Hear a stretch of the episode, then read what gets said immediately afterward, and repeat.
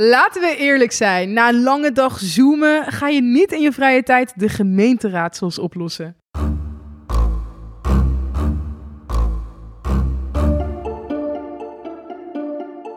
Gemeenteraadsels. Wat beslist een gemeenteraad? Wat doet de wethouder? En is de burgemeester nou echt een meester? Geen zorgen, we got you. Wij hebben alle antwoorden op al jullie vragen in dit seizoen van gemeenteraadsels. Wij zijn Jacquini, Mert, Hadjar en Maurits en wij zijn jullie kieswijzer bij de aankomende verkiezingen.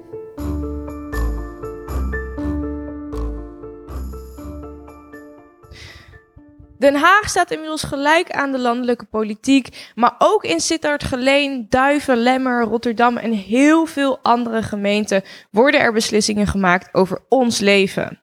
En vandaag moeten we het hebben over Zeewolde.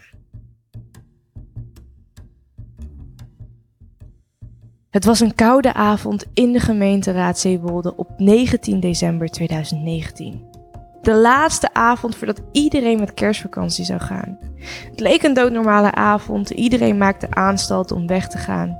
Maar niemand wist dat die avond een operatie onder de codenaam Tulip in werking werd gezet. De wethouder was al de hele dag onrustig en zijn wangen liepen rood aan.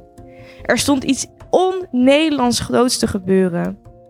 Hij zei tegen het enige ongemakkelijkheid, zei hij, uh, kan het personeel en de andere gegadigden, niet gegadigden de ruimte verlaten.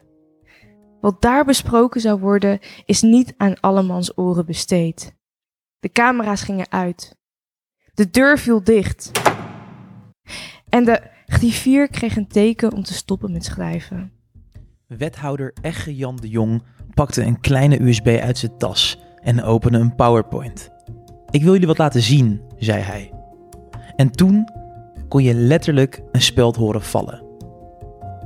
Het kleine plaatje Zeewolde was die avond het middelpunt van het digitale Europese toekomst. Het grootste datacenter ooit in de Europese geschiedenis, gebouwd in het kleine dorpje in Flevoland. Er was nog niet duidelijk welk bedrijf zich zou vestigen in deze Silicon Valley in onze Hollandse polder.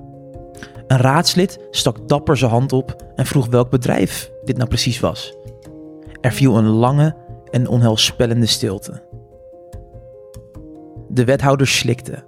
Het was namelijk Facebook. Dat heb gestaan op uh, Facebook. Ja, dit klinkt misschien een beetje als een overdreven thriller, maar er stonden hier daadwerkelijk 19 raadsleden met de gigantische taak om te gaan beslissen over iets wat wellicht de toekomst van Nederland zou gaan bepalen. Ja, en misschien niet iets wat je verwacht op het bordje van een gemeenteraad, maar er worden supergrote beslissingen gemaakt.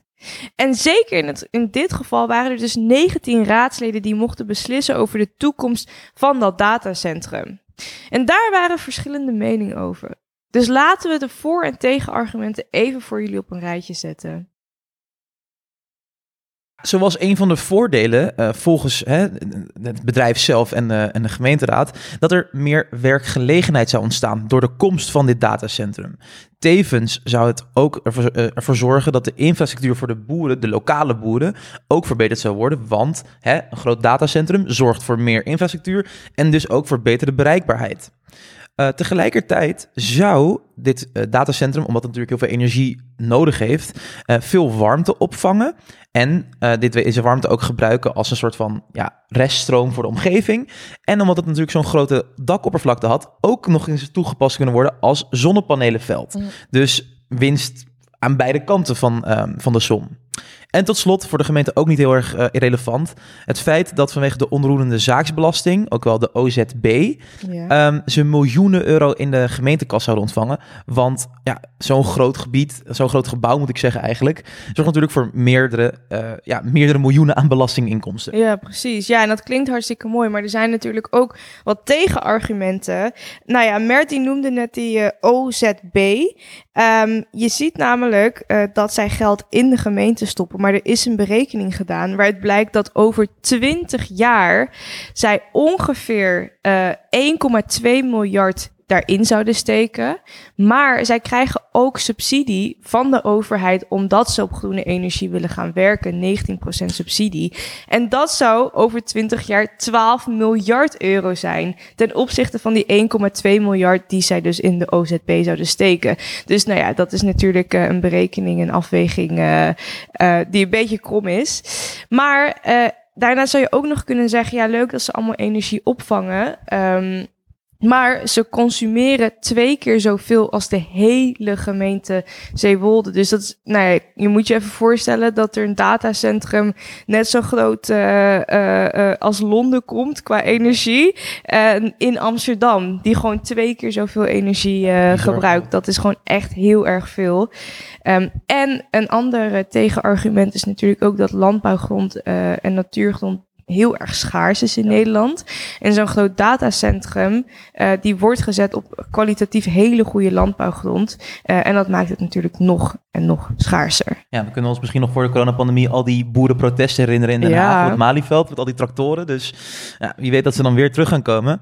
Um, maar wat is eigenlijk zo bijzonder is aan deze ja, case of casus of situatie, om het zo te zeggen, is dat de gemeente Zeewolde um, ja, eigenlijk een hele kleine gemeente is met maar 20.000 inwoners. Um, dus ja, niet zo heel groot. En die 19 raadsleden mochten dus een besluit nemen om het grootste datacenter van uh, nu Meta, toen Facebook, wel of niet te gaan plaatsen. Dus dan is de vraag eigenlijk een beetje, hoe zit het nou precies met de bevoegdheid of met de taken van de gemeente? En waarom mogen ze zulke grote beslissingen nemen?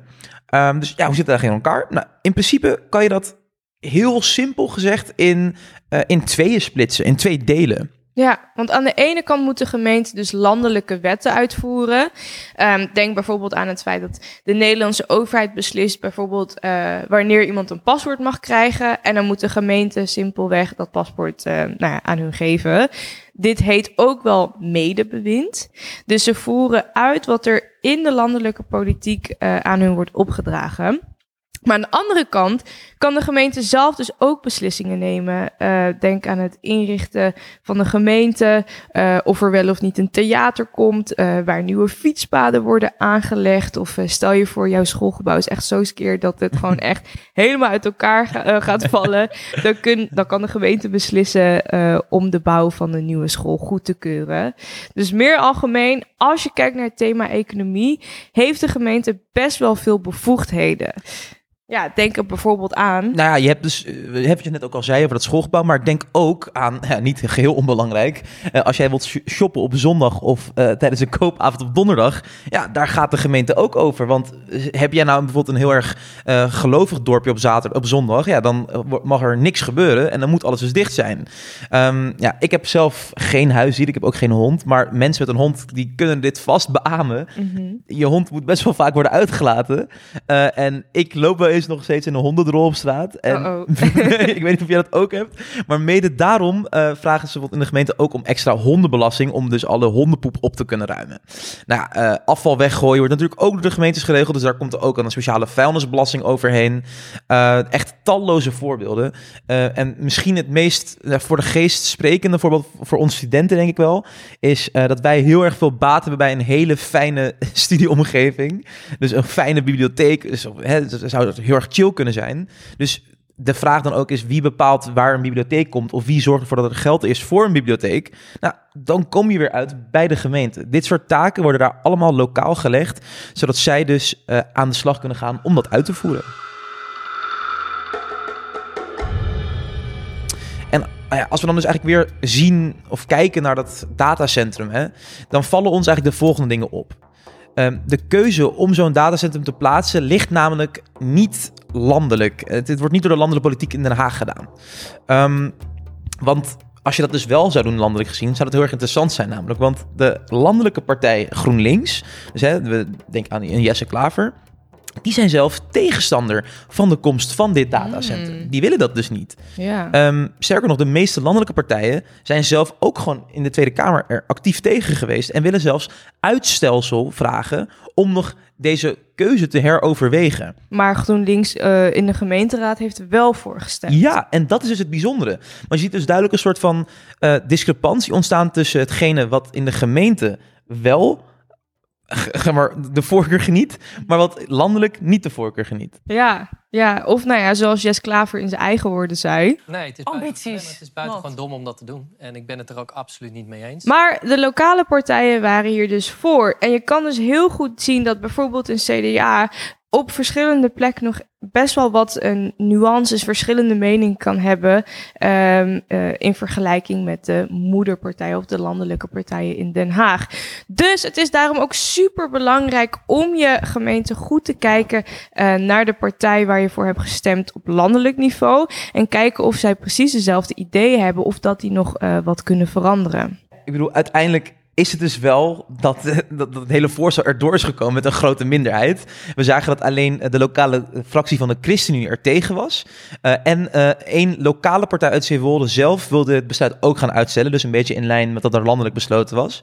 Maar het gros van de partijen, dus het merendeel van de partijen, VVD, GroenLinks, PvdA, eh en een, ook een liberaal Zeewolde, die waren er wel gewoon voorstander van. Dus die besloten, wij gaan dit gewoon wel doen. Operation Tulip is a go. Wauw, ja. Maar wat we hier dus van kunnen leren is, alhoewel landelijke partijen en lokale partijen in grote lijnen dezelfde ideeën hebben, kunnen er toch best wel genuanceerde, maar hele belangrijke verschillen zijn. Dus huiswerk voor jullie allemaal. Ga naar Google en typ in 1. De naam van de partij waar je op wil stemmen. 2. De naam van je gemeente waar je woont. En 3. Als laatste het woord programma. En zo ben jij helemaal ready voor 16 maart. Dat was hem alweer. Yes. Heel erg bedankt voor het luisteren. Vond je dit nou een leuke aflevering? Vergeet vooral niet te liken, abonneren en ons te volgen op Instagram, @kieswijzerdepodcast. En dan zien wij jullie snel weer bij de volgende gemeenteraadsels. Snel.